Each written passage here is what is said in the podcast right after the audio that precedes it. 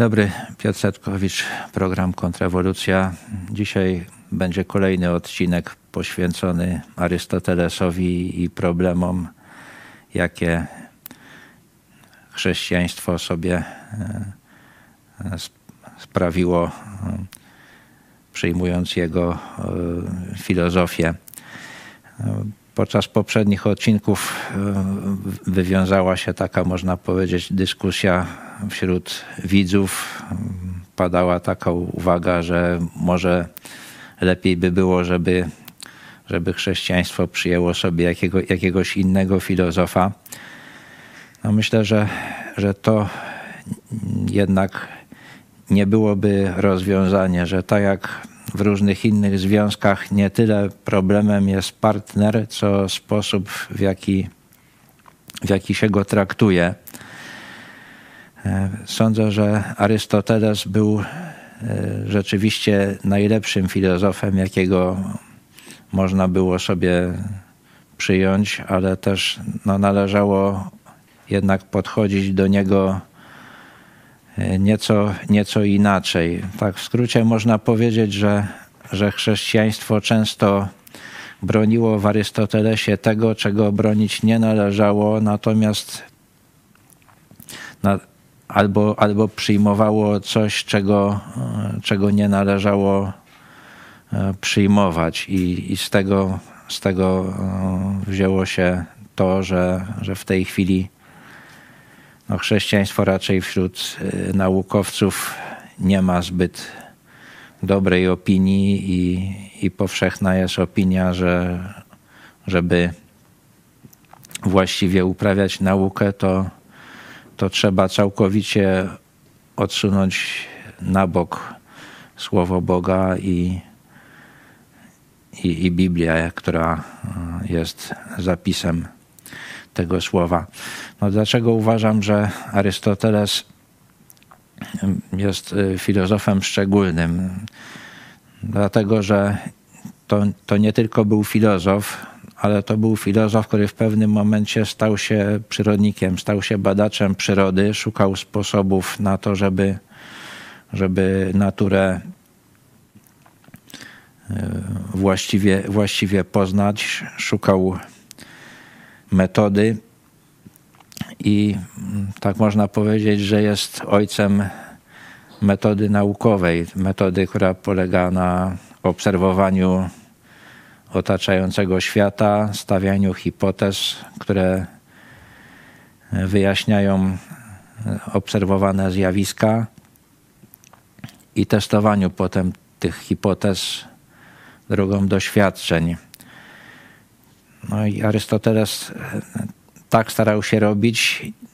Nie zawsze mu to wychodziło. Takim przykładem e, to może być właśnie to, o czym mówiłem, jego rozumienie dynamiki. On uważał, że e, siła jest konieczna do tego, aby, aby ciało się mogło poruszać. Nie rozumiał, czym jest bezwładność. No i tak jak to mówiłem, w takich warunkach, kiedy, kiedy ta siła to była albo siła mięśni ludzkich działających na taczki, albo siła jakiegoś zwierzęcia ciągnącego wóz, no to, to rzeczywiście takie, taka hipoteza zgadzała się z doświadczeniem. Dopiero wtedy, kiedy ludzie stworzyli teleskopy i zaczęli obserwować ciała niebieskie, powiedzmy Księżyca i Owisza, no to zobaczyli, jak zachowuje się masa, która nie jest poddana tarciu, które no, na Ziemi działa właściwie zawsze na, na, na każde ciało poruszające się względem innego ciała.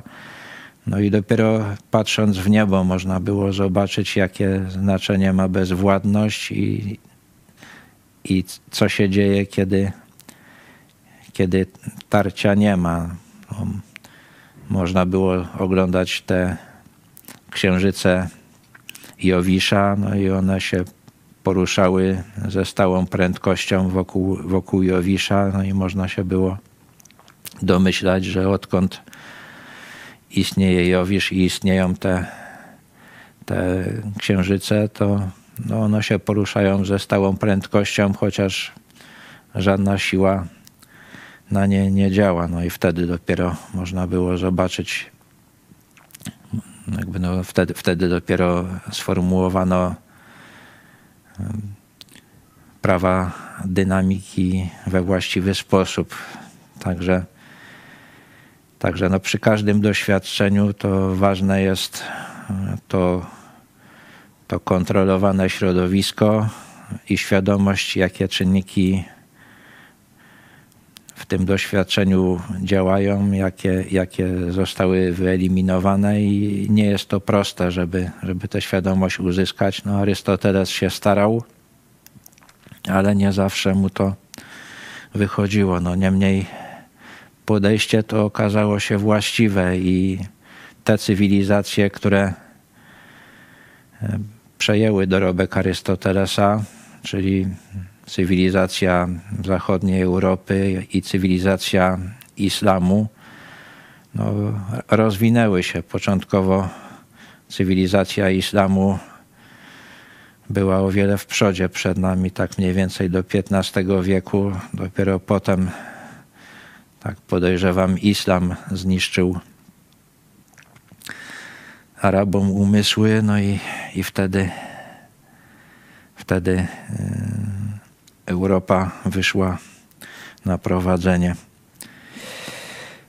Dzisiaj chcę mówić o, o takim przypadku, o takim twierdzeniu Arystotelesa, które właśnie no, należało odrzucić, ale zostało przez chrześcijaństwo przyjęte.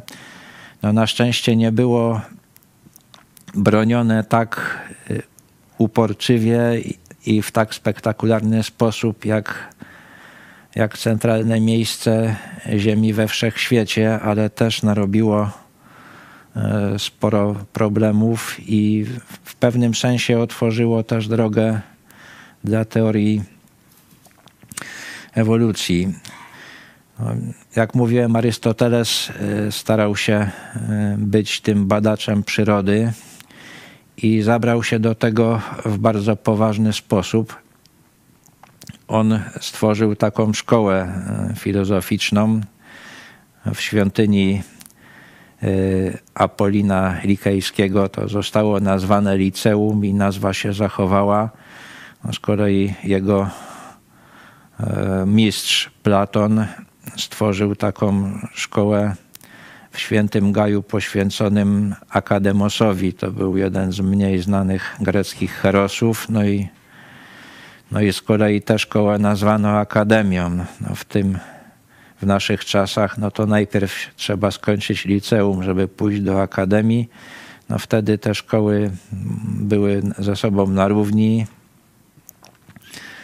i konkurowały. No, tak jak mówiłem, wziął się za, za te badania organizmów żywych e, w bardzo poważny sposób. Urządził przy liceum ogród zoologiczny. Opisał kilkaset różnych gatunków zwierząt. Czy, czy to były ssaki, czy płazy, czy gady, owady. Napisał wiele dzieł no z tego, co się zachowało ze spuścizny Arystotelesa, to mniej więcej jedna czwarta to są, to są dzieła poświęcone biologii. Takie najbardziej znane to jest o rodzeniu się zwierząt, o poruszaniu się przestrzennym zwierząt, czy zoologia. E, te doświadczenia, które, które robił, te badania, no to opisywał, wyprowadzał z nich wnioski. No z tych opisów wynika, że, że dokonywał sekcji, badał, badał narządy zwierząt, szukał podobieństw między analogicznymi narządami różnych gatunków zwierząt, szukał różnic. No, takim bardzo spektakularnym badaniem to, była, to było badanie zarodka, rozwoju zarodka ptaka. On to robił w taki sposób, że, no, że tłukł jajka i, i badał zawartość zarodka, czyli wziął jajko w jeden dzień po zniesieniu, stłukł, zobaczył jak wygląda zarodek, potem jajko, które już miało dwa dni od zniesienia i tak dalej, no i, no i badał rozwój tego zarodka. No, takim wynikiem jednym z, z, jego, z jego badań, które jak sądzę miało znaczenie też dla, dla rozwoju chrześcijaństwa, to było stwierdzenie, że e, człowiek widzi i w ogóle no, no każde, każde oko widzi dzięki temu, że jest y, zewnętrzne źródło światła. Przed nim panował taki pogląd, że, że oczy wysyłają jakieś, jakieś cząstki, które się odbijają od, od y, y, przedmiotów, wracają do oka i dzięki temu widzimy. On wykazał, że, że tak nie jest, że, że głównym, że oczywiście potrzeba, żeby, żeby oko było sprawne, ale oko widzi dzięki zewnętrznej światłości. Istnieje zewnętrzne źródło światła. No i ta, ta świadomość się rozeszła po świecie. I kiedy Jezus mówił, Ja jestem światłością świata, to ludzie wiedzieli, co to znaczy, że On jest tym, dzięki, dzięki któremu e, można widzieć duchową rzeczywistość, tak dzięki, dzięki słońcu czy jakiemuś innemu źródłu światła widzimy rzeczywistość naturalną. No takie, taki wniosek ze swoich badań i też, e, który pewnie też jednocześnie był fundamentem jego podejścia w badaniach, to, to myślę były takie słowa. Natura nie tworzy niczego na próżno, lecz zawsze jedynie to, co jest najlepsze, mając na uwadze naturalną organizację każdego rodzaju zwierzęcia. Konsekwentnie, jeśli jest lepiej tak, raczej niż inaczej, to właśnie to znajduje się w rzeczach naturalnych. Czyli Arystoteles poszukiwał w naturze i oczekiwał, że, że znajdzie roz, ładu i optymalnych rozwiązań. No nie wiązał z tego, tego z Bogiem, ponieważ on wierzył, jak to już wspomniałem, w Boga, który nie stworzył materii i nie interesuje się światem, w którym żyjemy, ale jednak poszukiwał ładu i widział, widział ten ład, widział e, optymalne rozwiązania, no tylko jakoś nie zastanawiało go, e, skąd, te, e, skąd to, się, to się bierze. No tutaj można powiedzieć, że obecnie naukowcy mają podobną postawę. Może, chyba nawet można powiedzieć, że, że ona się pogłębiła.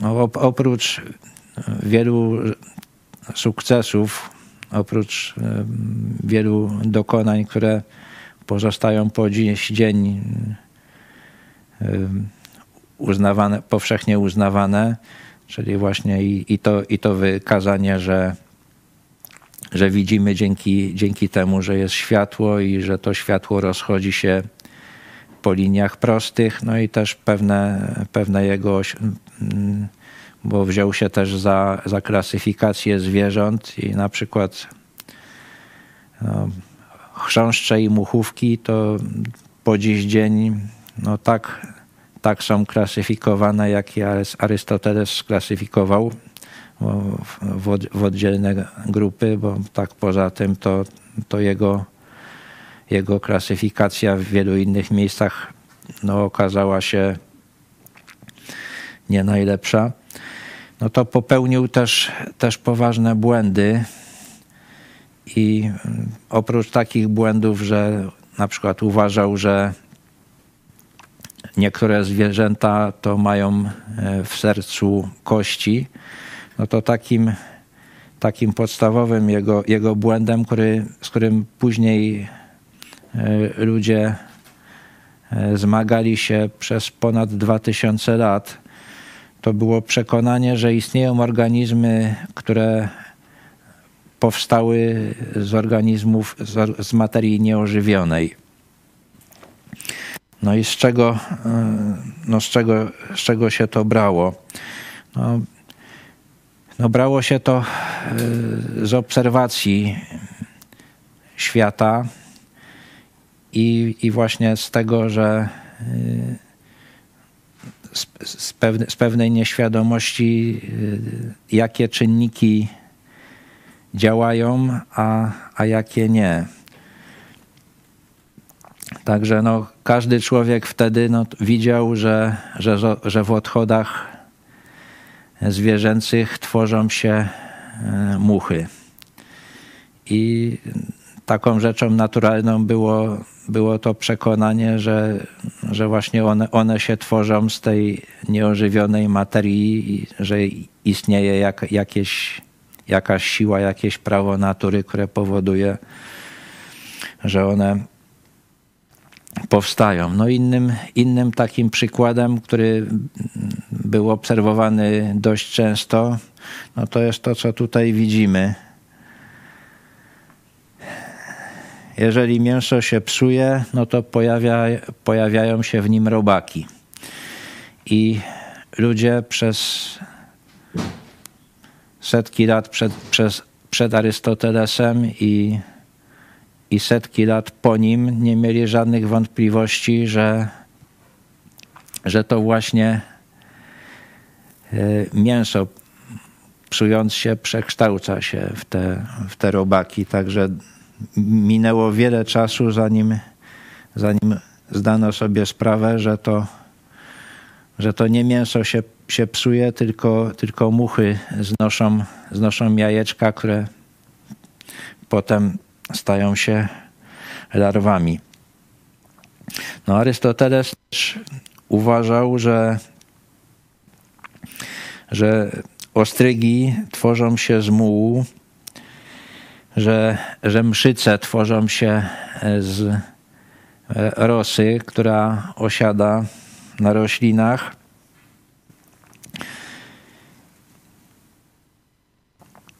że myszy powstają z gnijącego sian, siana, szczury ze szmat, pchły z potu, a już takim koronnym dowodem tego, że, że materia nieożywiona może się zmieniać w organizmy żywe i to dowodem, który, którym nie wiedziano, co zrobić przez naprawdę długi czas, to był węgorz. Więc obejrzyjmy sobie węgorza. No tutaj węgorz to jest bardzo ciekawa ryba. On tutaj na tym zdjęciu pełznie po trawie, bo węgorz tak potrafi. Węgorze wychodzą z wody i są w stanie na lądzie stałym przeżyć do dwóch dni. No i tak mogą sobie robić takie skróty, powiedzmy, że, że zamiast, zamiast zamiast płynąć wodą, no to, no to wypełzają na, na ląd i przepełzają do, do następnej rzeki czy, czy następnego stawu. No, mogą się poruszać dosyć szybko na lądzie, e, ale y, jeżeli, jeżeli chodzi o badania Arystotelesa, no to no to on zwracał uwagę na coś innego. On zwracał uwagę na to, że y, nie można, nie, nie mógł znaleźć węgorzy y, różniących się mm, płcią. Nie mógł znaleźć węgorzy, y, które by były tak małych rozmiarów, że można by było przyjąć, że, że dopiero co się, co się wykluły, czy, czy urodziły. No my dzisiaj wiemy, że, że węgorz odbywa tarło w Morzu Sargasowym. No, Arystoteles nawet nie wiedział, że istnieje Morze Sargasowe. i y, no, po tym i kiedy, i kiedy się, się pojawią te, kiedy z, z ikry pojawią się, wyklują się młode węgorze, no to one, one płyną przez, przez ponad rok, czy około roku do, do miejsc, w których będą żyły. No i poproszę kolejny slajd. No tak wygląda węgorz niedługo po urodzeniu. No jest taki przeźroczysty. Tutaj widać jego kręgosłup i on w takiej postaci płynie od Morza Sargasowego do tych, do tych obszarów, gdzie, gdzie będzie żył. No i przez ten rok rośnie. I gdzieś dopiero przy e, wybrzeżu lądu, przy, gdzieś tak niedługo przy ujściu rzeki, w której potem węgorze żyją, no to on, on przestaje być taki przeźroczysty. No i też trzeba mieć świadomość, że e, zanim, zanim on dopłynął do, do miejsca przeznaczenia, że tak powiem, to, to przez cały czas rósł. Także, także w momencie, kiedy, kiedy węgorz przybiera tę postać dorosłą, to, to ta postać, ta larwalna, jakby ją można nazwać, ma już około 7 cm długości. Także rzeczywiście takiego malutkiego węgorza to, to nie da się, nie da się y, znaleźć w rzekach. I jeszcze, żeby było trudniej, to węgorze, e, że tak powiem, segregują się płciowo. Samce żyją w wodach e, niedaleko, niedaleko ujścia do, do morza, a też często wypływają w morze, a samice płyną, płyną w górę rzeki. Także rzeczy, rzeczywiście no, nic dziwnego, że Arystotelesowi nie, nie udało się znaleźć e, samca i samicy, bo one żyją bardzo daleko od siebie.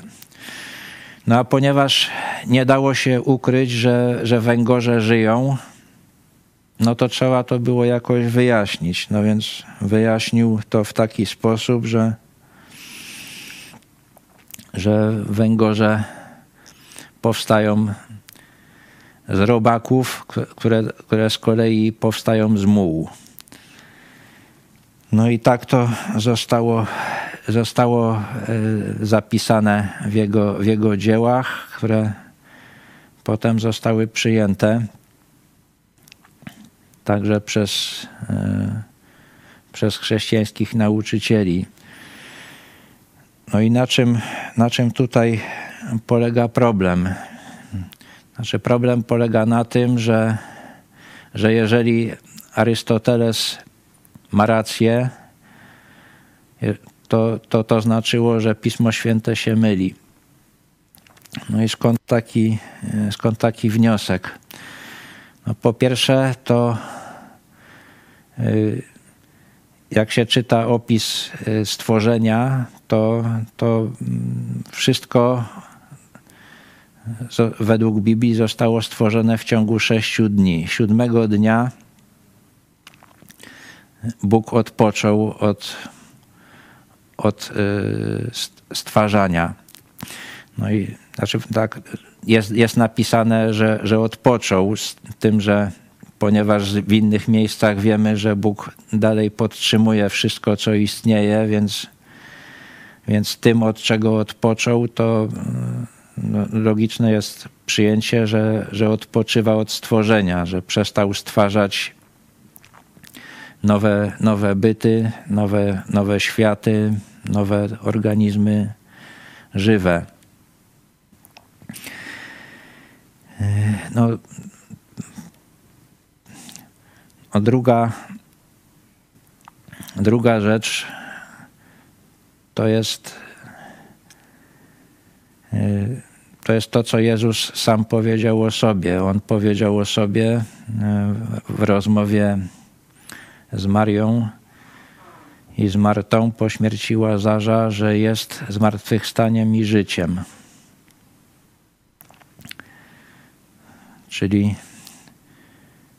no, nie da się moim zdaniem e, obronić takie, takiego stanowiska, że ktokolwiek poza, poza Bogiem może stworzyć istotę żywą.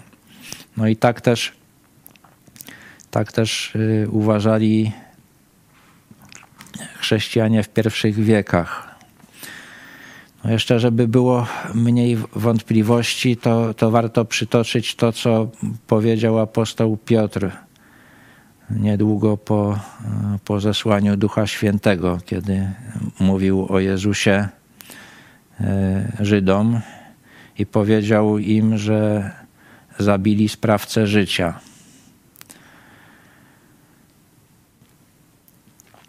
Żadnych innych sprawców nie wymienił. No i, no i jeszcze to, co apostoł Jan powiedział, napisał na samym początku swojej Ewangelii, że w nim było życie, a życie było światłością ludzi. Znaczy nie ma, nie ma życia, które, z którym Jezus, Syn Boży, nie miałby o tyle wspólnego, że, że, że no, że jest jego źródłem. Tak więc, skoro, skoro wszystko zostało stworzone w ciągu sześciu dni, no to według Biblii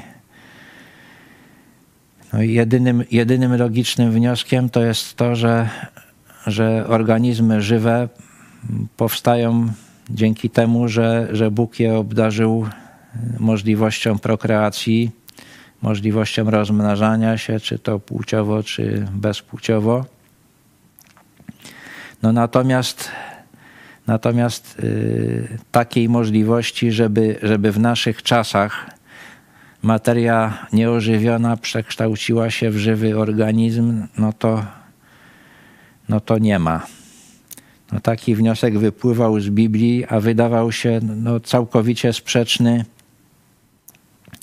no, z doświadczeniem, z tym, co, e, co było widać. No i yy, tak zwani ojcowie Kościoła mieli poważny problem, co z tym, co z tym zrobić.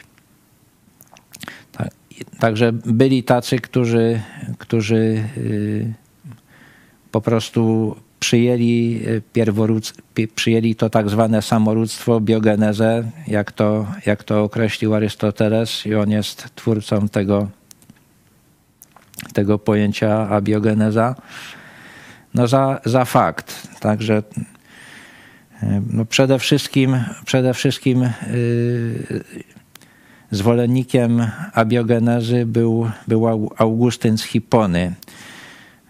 I zrobił to w taki sposób, że y, w tych czasach, podobnie jak i w naszych czasach, kwestionowano historię potopu.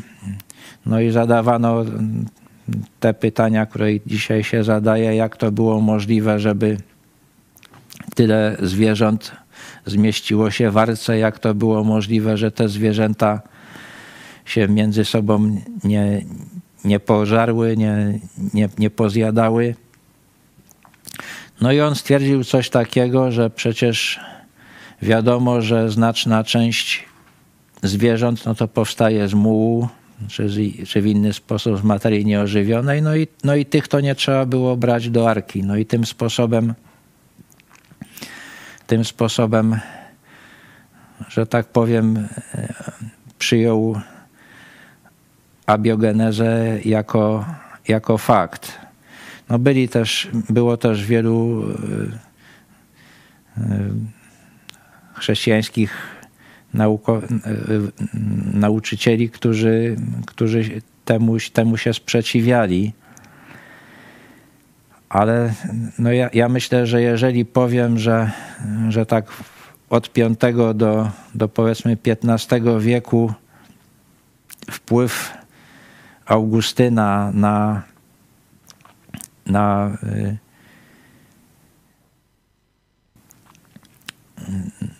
nauczanie chrześcijańskie był przynajmniej tak wielki jak, jak wszystkich pozostałych tych, tych tak zwanych ojców Kościoła wziętych razem, to niewiele przesadzę, a być może nawet wcale. No, no, y, taki pewien, pewien, e, pewien e, pewno, pewne osłabienie wpływu Augustyna nastąpiło w XIII wieku, kiedy swoją filozofię stworzył Tomasz Zakwinu ale akurat pod tym względem to nie miało, czyli pod względem abiogenezy nie miało to żadnego znaczenia, bo Tomasz wzorował się w dużym stopniu na Arystotelesie i abiogenezę również przyjął. Także to się y, przyjęło w świecie no, kaznodziei, którzy, których tam w mniejszym lub większym stopniu można nazwać kaznodziejami chrześcijańskimi. No i przyjęło się także w świecie naukowym. No, no i tutaj e, tacy, tacy wybitni e, naukowcy uznawani do dzisiaj jak René Descartes, czyli Kartezjusz albo Francis Bacon, no przyznawali za, uznawali za rzecz oczywistą, że, że materia nieożywiona w pewnych warunkach może przemieniać się w organizmy żywe. No i powiedzmy, że nie jest to, że, że to ani, ani Descartes, ani, ani Bacon nie, nie mieli wiele wspólnego z biologią, ale także, także ludzie, którzy, którzy w biologii mieli duże dokonania, to, to też, też uznawali, że że abiogeneza występuje. No i poproszę kolejny slajd. Tutaj mamy y, pomnik Johanna van Helmonta, który żył w, XVII wieku y, w Belgii, w Brukseli. No, ten pomnik ma do tej pory. To jest człowiek, który jako pierwszy wysunął takie podejrzenie, że w soku żołądkowym jest kwas solny i że ma on udział y, y, w trawieniu. No też stwierdził, że, że, sam, że sam sok żołądkowy nie wystarcza, że potrzebne będą że do, do tego, żeby organizm przyswoił te, te żywe to, to pożywienie, to jeszcze potrzebne są, by były jakieś inne substancje. On je nazwał fermentami, no dzisiaj je nazywamy enzymami, także przewidział ich istnienie. Jest twórcą pojęcia gazu i w, swoich, w swojej książce podał e, sposób na, na stworzenie mi, myszy. No widać, widać, że święcie w to wierzył. Znaczy on, on, on stwierdził, że jeżeli brudną, przepoconą koszulę wrzuci, wsadzić do, do słoika e, z pszenicą i zostawić przez trzy tygodnie, to powstanie na pewno mysz. No i tak jeszcze zalecał, że, że lepiej, jeżeli to będzie koszula kobiety niż mężczyzny, że wtedy, że wtedy ta, ta mysz prędzej powstanie. Ale, ale co, do tego, co do tego, że to, że to ta pszenica pod wpływem wyziewów y, z koszuli zamienia, zamienia się w organizm żywy, to nie miał żadnych wątpliwości. No tutaj to jeszcze można, można uznać, że, no, że rzeczywiście, jeżeli, jeżeli gdzieś zostawimy zboże na trzy tygodnie, to dziwne by było, gdyby mysz się nie dostała. Ale on też podawał. Yy, yy, przepis na, na wytworzenie skorpiona. Więc żebyśmy, żeby otrzymać skorpiona, trzeba wziąć bazylię, wsadzić tę bazylię pomiędzy dwie, dwie cegły i pozostawić na słońcu. No i wtedy po, po odpowiednim czasie ta, ta bazylia zamieni się w skorpiona. On w to święcie wierzył i to, i to pokazuje, jak, jak mocna była ta, ta wiara w to, że, że między materią nieożywioną a organizmem żywym to aż tak wielkiej różnicy nie ma i, no i przy, przy odrobinie wysiłku i, i, i w odpowiednich i, i, i w odpowiednich warunkach to, to przeistoczenie może zajść. I dopiero gdzieś w wieku XVII pojawili się ludzie, którzy, którzy zaczęli mieć co do tego wątpliwości i rozpoczęli walkę z tym poglądem, ale o tym powiem już następnym razem. Dziękuję za uwagę.